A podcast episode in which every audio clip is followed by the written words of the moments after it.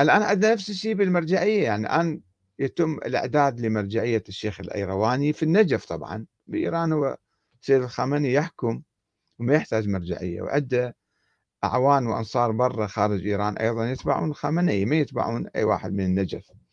وحتى في داخل العراق هناك من يتبع إيران أو يتبع آه، تقليد خامنئي وهناك مراجع معروفين بالعلم في إيران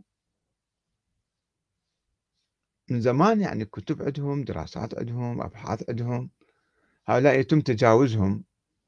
لأنه هناك مخطط لأنه دعم هذه المرجعية في هالبيت. في الحقيقة لما سابقا كان المراجع علماء حقيقيين ويفتون ما كان في امتزاج بينهم وبين السلطة. ما عندهم سلطة هم ناس زهاد عباد قاعدين في بيوتهم في مدارسهم وناس يسألوهم ويجاوبوهم الشيخ ابن فهد الحلي مثلا في كربلاء كان ما, ما كان عنده سلطة بس كان عالم كان معروف وعنده مزرعة بكربلاء.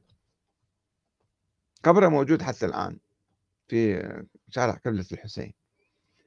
آه، لما المرجعية تحولت إلى شبه دولة شبه سلطة صارت مو فقط آه، يعني فيها غلاف ديني إنما صارت عائلية أنه المرجعية تتوارث ضمن عوائل. هذا نسيب هذا هذا قريب هذا هذا من جماعة هذا. وعندنا بعض المرجعيات مثل عند عند الشيخية أصلا هي بالسلالة بالوراثة. حتى المرجع الأخير كان مثلا هو يشتغل عامل في إيران. مات أبوه اجى لبس عمامه وصار هو مرجعهم. أو جماعات أخرى نفس الشيء بالوراثة يعني. الشرازية تقريبا بالوراثة صايرة. سيد محمد الشيرازي يعطيها الأخ وأخوه يعطيها الابن أخته ابن أخته يعطيها الأخو. وهكذا. يعني تصير المرجعية اللي بيها مادة بيها فلوس وبيها زعامة فتصير تنحصر بالعوائل ما يطلعوه برا.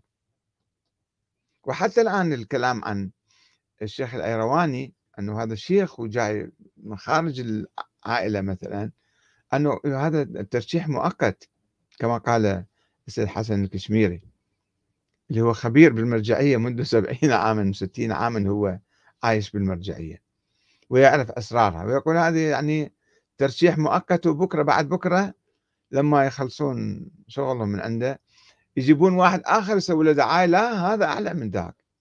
والناس ما يعرفون شنو القصة ما يعرفون شنو العلم وشنو العلمية مالته.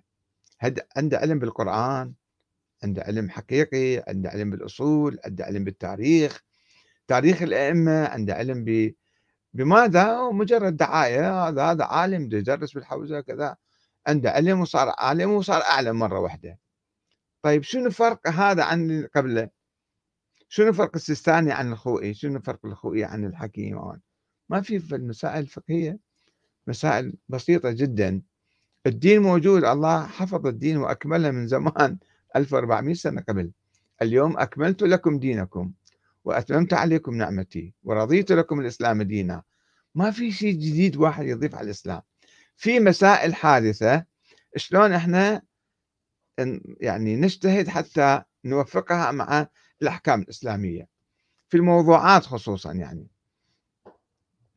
في الموضوعات كما قلت لكم وضربت لكم مثل العملة كانت نقدية وفيها زكاة على الذهب والفضة عملات النقدية الآن صارت أوراق أو صارت بيتكوين اللي هي عملة بالكمبيوتر مثلا. هذه شلون نحسبها؟ شلون نعطي الزكاة مالتها؟ هذه يمكن واحد يجتهد. وفي مسائل حادثة جديدة صايرة يعطون رأيهم في هاي المسائل اللي ما كان داخله في المحرمات أو في المستحبات أو في الواجبات التدخين افترضوا ما كان سابقا أو الحشيشة ما كانت. فما هو حكم الحشيشة؟ ما هو حكم التدخين فيعطون بناء على القواعد العامة أن هذه تسبب ضرر تسبب فساد تسبب كذا فاذا هذه محرمة وهكذا. ف أساسا يعني آه، الكلام الكثير حول العلم والاعلميه ما معروف لا العلم ولا العلمية بالدعايات ما يصير نمشي. فلابد آه، أن نحط أسئلة إن شاء الله أنا أعد في مجموعة أسئلة في 100 سؤال مثلا يوجه لأي واحد مرشح للمرجعية أنه أنت علمك ماذا؟ أعطينا أجوبة على هاي الأسئلة. حول عقيدتك حول أصولك حول فقهك حول الحديث كيف تعمل فيه. حتى نفهم مو بكرة يطلع لنا واحد ينتخبوه يسوي له دعاية وبعدين يطلع هذا من فرقة المفوضة يطلع من فرقة الغلاة يطلع من فرقة منحرفة عن أهل البيت وصاير مرجع على علينا. هذه مشكلة كبيرة حقيقة.